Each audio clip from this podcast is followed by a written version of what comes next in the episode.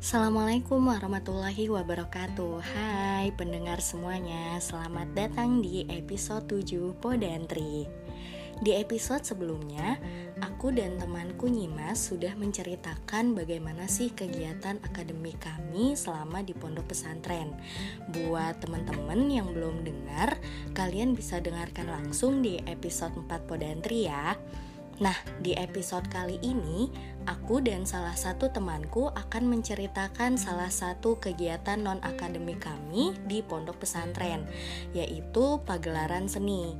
Jadi santri-santri, uh, santri-santri atau santriwati-santriwati yang sudah duduk di bangku kelas 5 dan kelas 6, uh, eh, mereka akan diberikan kesempatan oleh pondok pesantren untuk menunjukkan seluruh bakat dan ide mereka dalam sebuah pertunjukan akbar mulai dari kemampuan mengonsep acara, kemudian mendekorasi panggung, lalu memilih kostum busana, eh, kemampuan make up, menari, acting, tarik suara, bermusik, dan masih banyak lagi.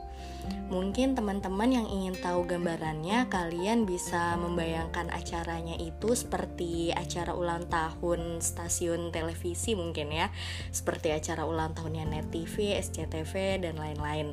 Atau kalian juga bisa langsung aja cari di YouTube-nya. Hmm, untuk pagelaran seni kelas 5 itu kita uh, namanya adalah drama arena. Sedangkan untuk pagelaran seni kelas 6 uh, eh, namanya panggung gembira. Hmm, kalau secara garis besarnya sebenarnya pagelarannya sama baik yang untuk kelas 5 ataupun kelas 6. Hanya perbedaannya uh, dialog yang digunakan saat uh, saat pagelarannya berlangsung. Jadi kalau pagelaran seni yang diadakan kelas 5 ketika ada dialognya mereka menggunakan bahasa Indonesia sedangkan untuk pagelaran seni yang diadakan kelas 6 uh, itu menggunakan bahasa Arab dan bahasa Inggris.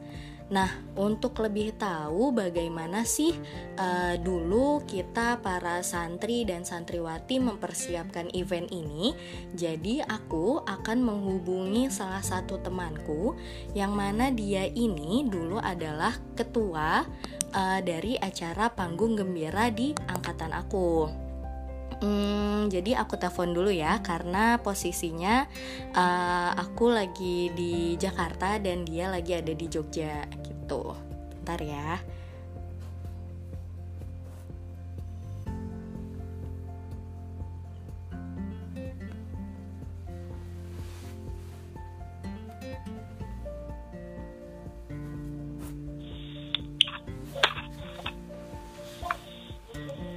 Assalamualaikum. Waalaikumsalam warahmatullahi wabarakatuh. Hai. Hai. Hai Oi, Oi. Uh, ini kan kita mau ngobrolin mm, di podcast terkait salah satu kegiatan kita yang ada di pondok pesantren. Mungkin uh, bisa perkenalan diri dulu Oi ke teman-teman Podantri. Boleh. Halo, assalamualaikum semuanya, teman-temannya. Podantri. Jadi aku temennya Nano, teman seangkatan dan dulu teman sehujrah juga ya. Satu uh, kamar. iya, kita teman satu kamar di ya. waktu kelas 6 ya. Nah, benar. Aku Safrida Hoirani biasanya dipanggil Oi sama temen-temen gitu. Terus uh, ya di sini aku sebelumnya temen seatap di Ma'had dan sekarang juga temen seatap juga di Jakarta. Iya, yeah. jangan posisinya kita lagi LDR nih. iya, kita lagi LDR sekarang. Aku yeah. di Jogja sekarang. Hmm. Oh ya, oh iya. Jadi nih tadi kan aku sebelumnya udah ngasih uh, prolog sedikit tentang salah satu uh, kegiatan non akademik kita yang ada di pondok pesantren. Nah, namanya yeah. uh, pagelaran seni. Kalau uh -huh. untuk yang kelas 5 namanya drama arena dan yang kelas 6 uh -huh. namanya panggung gembira. Nah, kamu kan iya. sebagai uh, ketua acara dari panggung gembira kita dulu. Mungkin kamu bisa menceritakan sekilas bagaimana sih uh, mempersiapkan pagelaran seni di pondok pesantren itu, uh, mulai dari pembagian job untuk teman-teman satu angkatan, kemudian gimana cara mengkonsep acaranya atau cara eksekusi konsepnya itu gimana Oi dulu? Oke, jadi uh, sebelumnya mungkin mukadimah dulu ya dari aku aku uh, dulu ya alhamdulillah dapat amanah gitu dari teman gitu dari para musyrifah dulu di Mahat buat jadi uh, ketua PG gitu. Sebenarnya kalau ditanya apakah sesuai dengan bidang aku aduh jauh banget aku bukan anaknya yang nggak seni banget gitu ya yang biasa aja gitu. Mm-hmm. tapi dengan mana ini dan aku punya partner yang luar biasa partner aku sebelumnya aku mau kenalin nih partner aku. Ada uh, aku dari uh, Munagama ya dari OPPM-nya aku terus dari koordinatornya itu Andin Andin Desna. Ah iya iya. Ya oh, iya. aku baru, baru inget. Uh, uh, terus satu lagi? tanya itu Rantem Rani Karya. Oke jadi ada tiga ya sebenarnya ketua acara uh, uh. ketua acara itu ada tiga gitu. Terus kalau dari ini mau uh, cerita dari mana dulu nih uh, cerita gimana mempersiapkan PG-nya gitu. Jadi sebelum okay. hari H apa aja sih yang kalian yeah. persiapkan gitu? Jadi walaupun kita itu sebagai ketua ya, tapi yang pasti kita nggak kerja sendiri. Maksudnya ketua bertiga ini uh, royunnya gitu, idenya itu nggak dari kita aja gitu. Kita melibatkan banyak orang gitu dan uh, teman-teman yang jebo ya, yang luar biasa, yang super super lah dari teman-teman kita itu banyak banget. Mm-hmm. jadi idenya nggak dari kita tapi dari teman-teman itu. Terus persiapan di awal gimana? Otomatis persiapan awalnya adalah pembentukan panitia dulu gitu. Kalau ditanya gimana sih kok bisa jadi kepilih ketua PG itu bukan kita yang memajukan diri juga gitu. Mm-hmm. tapi uh, memang dari musyrifah itu kan minta dari atasan itu memang minta dari setiap dan ini tahun ke tahun memang selalu seperti ini ya. Jadi diambil hmm. perwakilan dari Munadoma atau OPPM-nya terus perwakilan dari koordinator dan juga ada perwakilan dari maskannya kayak gitu.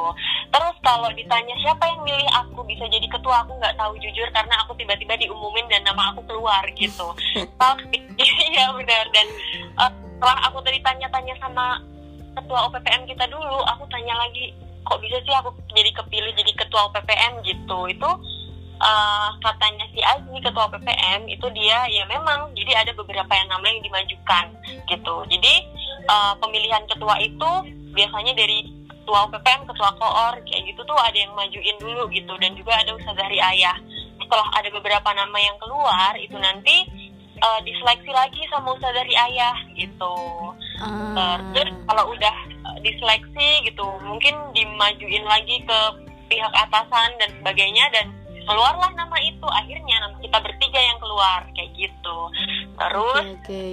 terus cara hmm. bagiin apa job ke seluruh teman-teman satu angkatan ini bagian ini bagian nah, ini pemilihannya ya. tuh sesuai apa sih nah ya jadi uh, kan uh, setelah kita terpilih akhirnya kita harus membentuk panitia kan ya mm -hmm. pertama kita pilih dulu ketua divisi dari setiap acara dulu gitu mm. nah pemilihannya gimana kan banyak banget gitu jadi kita mm -hmm. itu kalau PG sendiri kita kan udah punya ibarat apa ya database-nya anak-anak angkatan yang sebelumnya punya uh, potensi-potensi tinggi gitu dari drama arena dulu gitu kan. Mm-hmm. Jadi dari gambaran itu kita bisa ngambil oh dulu waktu drama arena ini anak pinternya di segi ini, ini anak pinternya di uh, sisi ini kayak gitu. Dan okay. dari situ uh, kita bisa ngambil tuh dari dari itu uh, mm. dari gitu tapi kita juga lihat-lihat juga. Bisa jadi nih ini anak kemarin udah di bagian ini pemerataan kepernahan gitulah ya. Oh, gitu. jadi, jadi bisa jadi nggak sesuai sama ya apa pengalamannya dia dulu gitu? Ya uh, uh, bisa jadi dia udah bagus nih kemarin. Bisa nih kita taruh di tempat lain karena dia juga punya potensi lain ternyata di oh. dan lainnya kayak gitu. Bisa juga kemarin pas di drama arena dia tuh dulu anggota nih tapi dia bagus banget. Bisa nih kita jadiin ketua divisi dulu kayak gitu. Mm, mm, mm, mm. terus kalau untuk merangkai konsep acaranya sendiri itu gimana? Nah, sampai akhirnya terpikir untuk bikin konsep yang seperti ini gitu Ya, jadi uh, setelah terbentuk ketua-ketua divisi itu tadi dan terbentuk ketua divisi itu tadi kita juga musyawarah antara kita ketua dan juga melibatkan lagi ketua PPM, ketua koordinator kayak gitu-gitu. Hmm. Uh, terus setelah terbentuk ketua divisi, uh, baru kita uh, apa namanya uh, kumpulin tuh ketua divisi, ketua divisinya kita kumpulin, terus kita uh, ya sampaikan ke mereka kalau teman-teman semuanya dapat amanah gitu. Amanahnya ya sebagai ketua divisi gitu kan. Dan uh, alhamdulillah teman-teman tuh punya antusias yang besar ya untuk memajukan acara ini. Jadi mereka juga bersemangat dan kita di situlah kita uh, apa ya mencurahkan ide-ide kita. Jadi teman-teman banyak banget nih aku punya konsep ini punya konsep ini punya konsep ini. Oke kita bisa bentuk nih maunya kayak gimana gitu. Dan di menurutku secara keseluruhan konsep dari PG ini kita punya divisi uh, kita punya sutradara kan di panggung gembira ini jadi sutradara ini mereka yang kayak menyeleksi ngatur acaranya harus kayak gimana terus ide satu dua tiga itu disatuin kira-kira bisa atau enggak kayak gitu. Sebenarnya kalau ditanya apakah ketua itu kayak uh, andilnya besar besar tapi kita bisa cukup memantau dan juga kayak menyatukan nih dari divisi ini gimana perkembangannya. Jadi lebih apa ya lebih memantau gitu tapi royunnya hmm. kayaknya itu dari semua pihak banyak banget dan oh, itu nanti okay. gitu Ah iya iya iya. Terus kalau misalkan di pondok pesantren sendiri kalau mengadakan pagelaran seni ada nggak sih standarisasi penampilannya gitu? Karena kan kita nggak mungkin dong bisa mengadakan apa sih pagelaran seni yang sebebas apa event-event yang diadakan di sekolah yeah. luar gitu kan? Kayak mulai iya. dari yeah. pemilihan acara, terus lagunya, kostumnya gitu. Apa aja sih standarisasi yang harus kita lihat gitu saat mengadakan pagelaran seni itu? Standarisasi itu udah pasti harus ada yang namanya di Mahat ya nggak sih? Mm -hmm. Jadi kalau nggak ada apa bedanya kita sama uh, sama teman-teman yang mungkin di luar ya nggak sih mm -hmm. gitu? Karena apa pun acara yang kita bikin itu pasti terseleksi gitu setarbawi mungkin gitu kan hmm. nah itu dia jadi unsur tarbiyah itu nggak boleh dihilangkan dari setiap acara yang kita lakukan gitu hmm. jadi kayak sama uh, acaranya kan macem-macem ya dari teman-teman yeah. tuh banyak sendiri kalau anak anak ingat juga dari yang awal pembukaan sampai dengan tilawah sampai dengan dramanya sampai dengan modern dance-nya sampai dengan tari Indianya apalagi tari India angkatan kita yang gitu banget itu terus hmm. habis itu iya kan terus pantomim dan lain sebagainya banyak banget lah yang nggak bisa disebutin itu harus mengandung unsur tarbiyahnya itu harus kayak gitu hmm. uh, emang harus kayak gimana sih standarnya mahat gitu jadi ya biasa pakaian syari tetap nggak meninggalkan ya aturan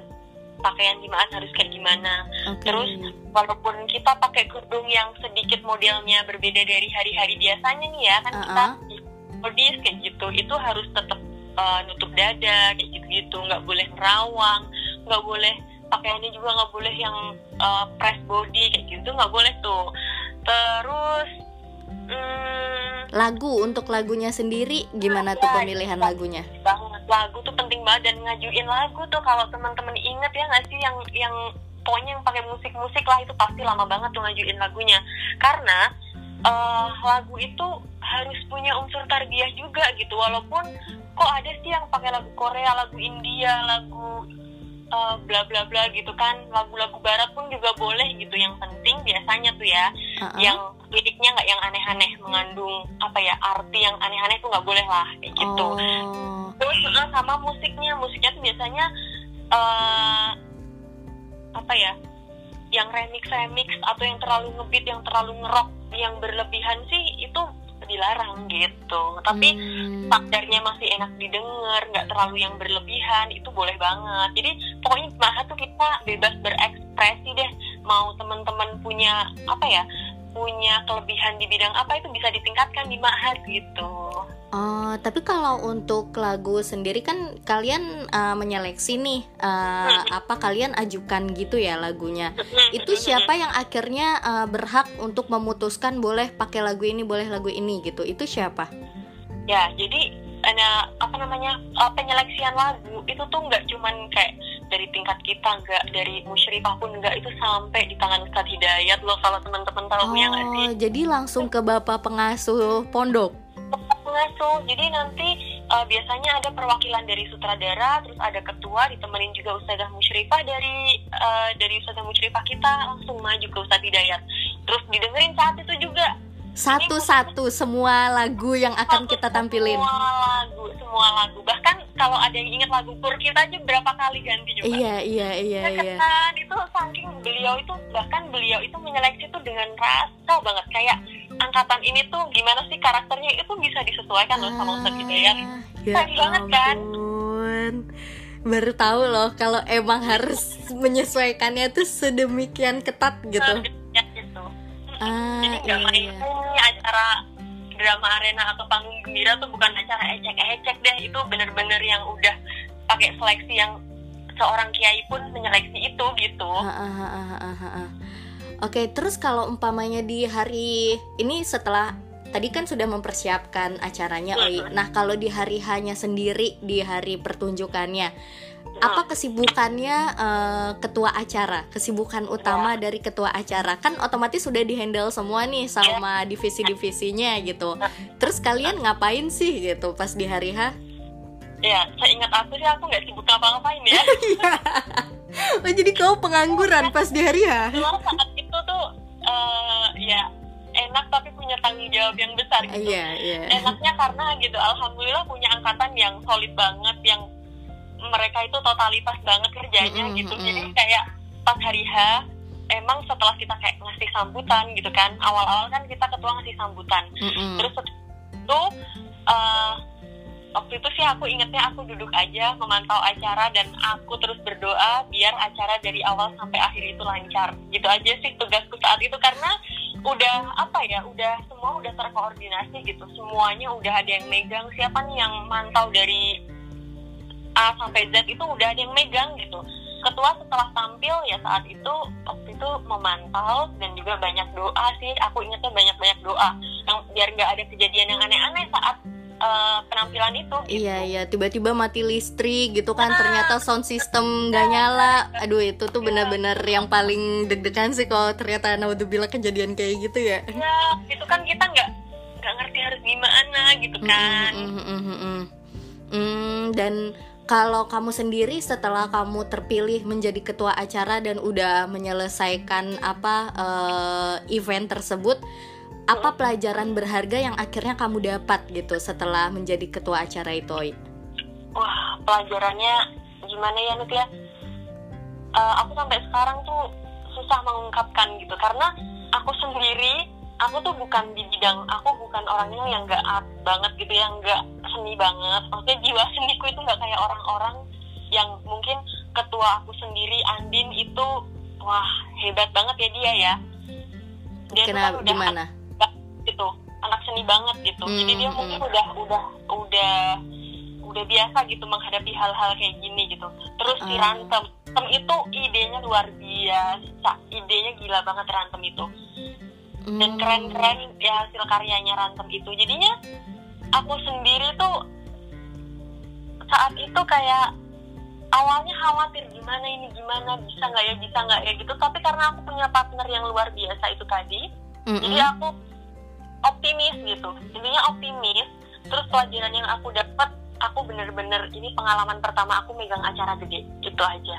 Aku nggak bisa berkata kata lagi. Jadi alhamdulillah aku punya pengalaman ini yang mungkin suatu saat kalau aku megang acara lagi aku bisa mengkondisikan lah kayak gitu. Jadi apa ya eh, karena medannya itu kan gede ya gede Mm-mm.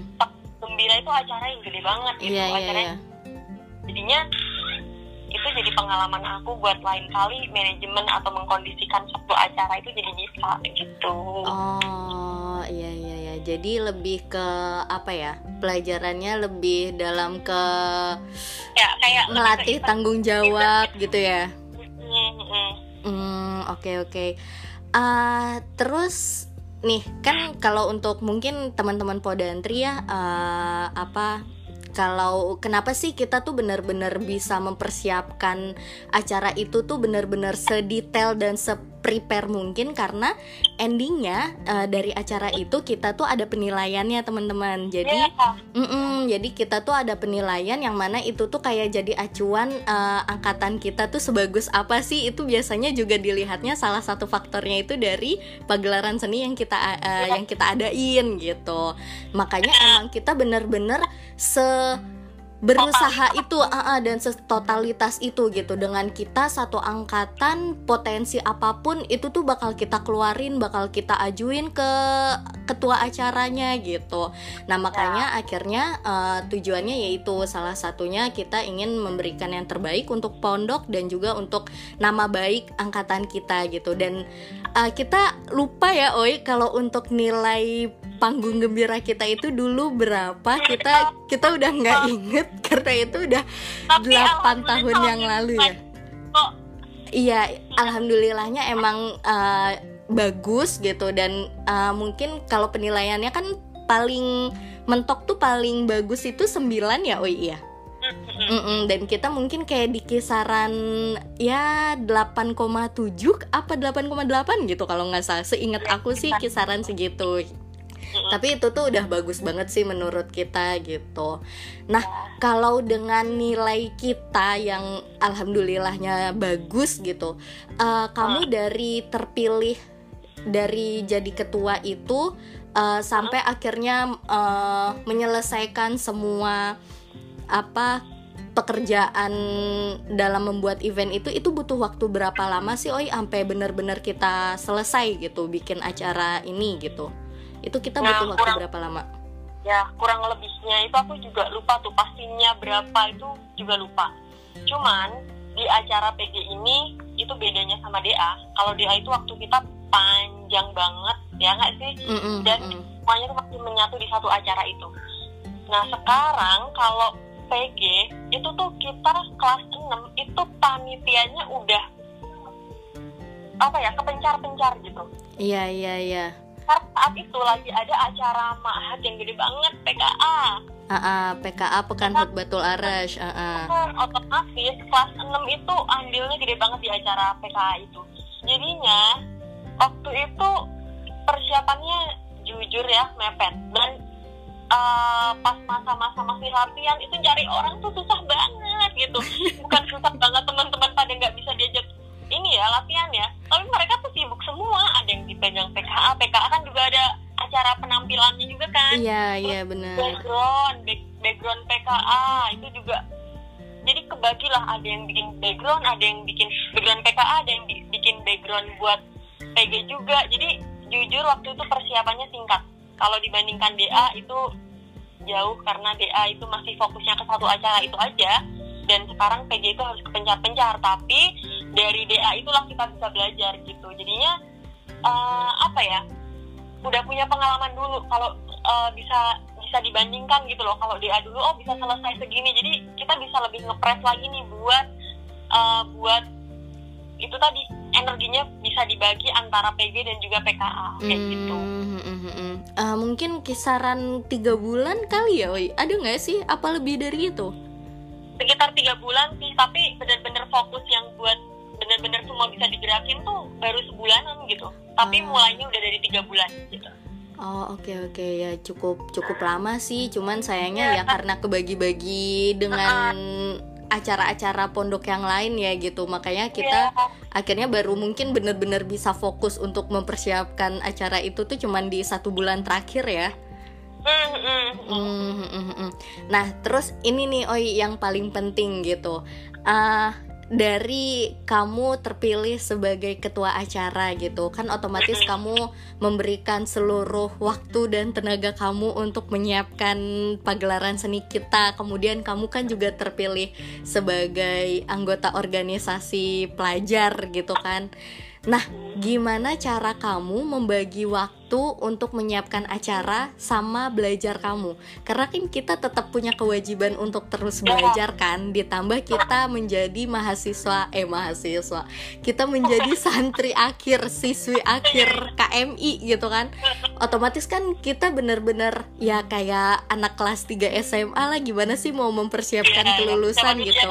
iya kan yang di mana biasanya anak kelas 3 SMA tuh otomatis kan semua fokusnya untuk belajar-belajar sedangkan kita belum menyiapkan yeah. pagelaran seninya, kemudian untuk acara pondok. Nah, kamu sendiri ketika menjadi ketua panggung gembira, gimana cara kamu bagi waktu antara menyiapkan acara sama belajar itu, Oi?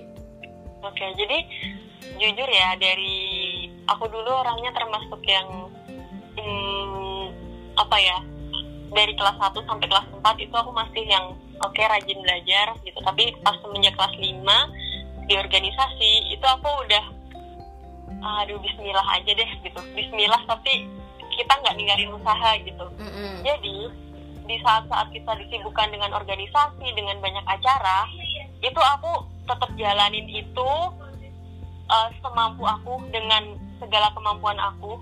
Tapi di sisi lain di sela-sela kalau ada waktu luang itu aku tetap nyempetin buat belajar. Karena aku sendiri juga bukan orang yang bisa SKS aku nggak bisa SKS nih orangnya gitu. Mm. sadar diri dulu kan nggak bisa SKS jadi aku harus nyicil dikit-dikit.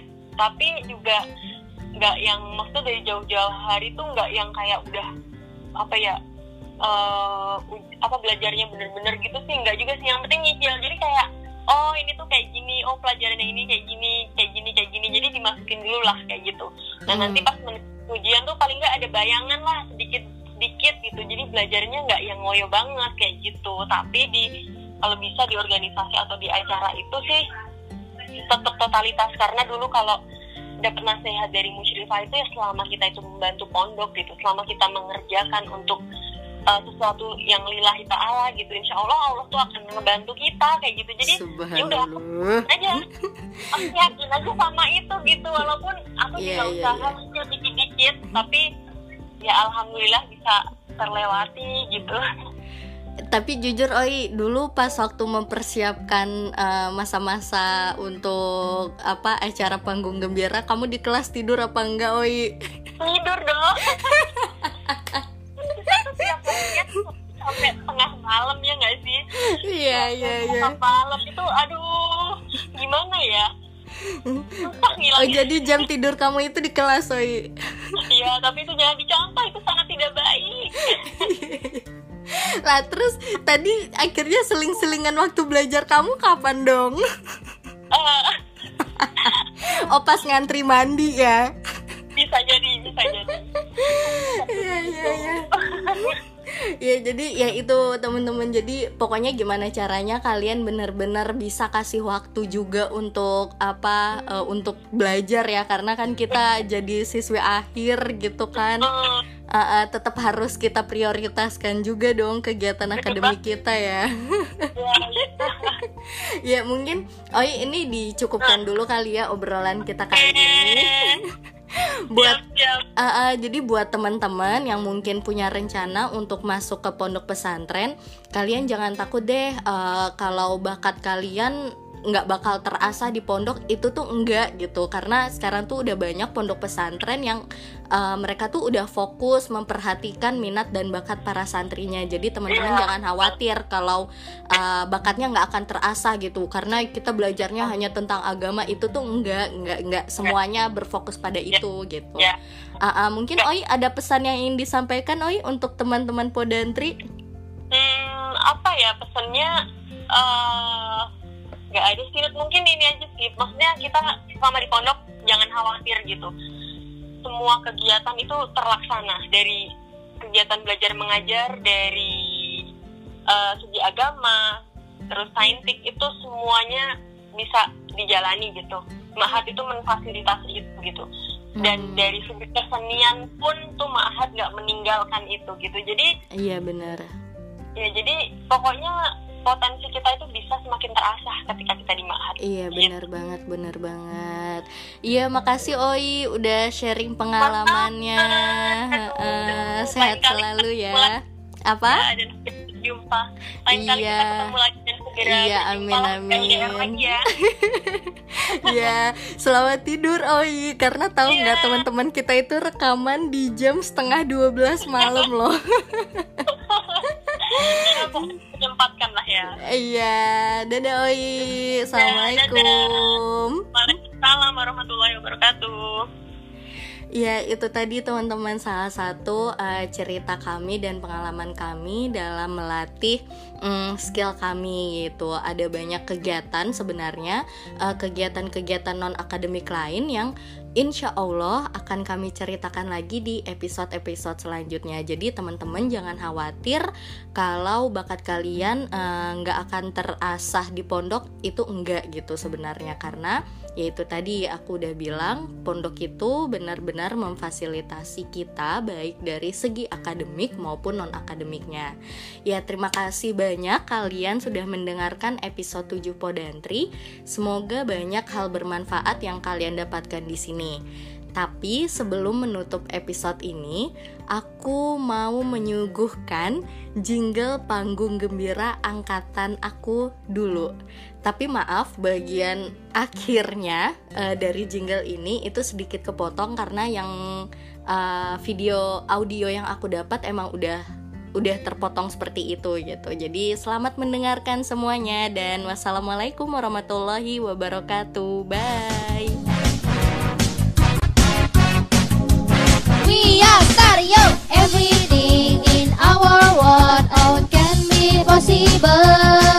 With our spirit we can get everything. With our smile always be happy.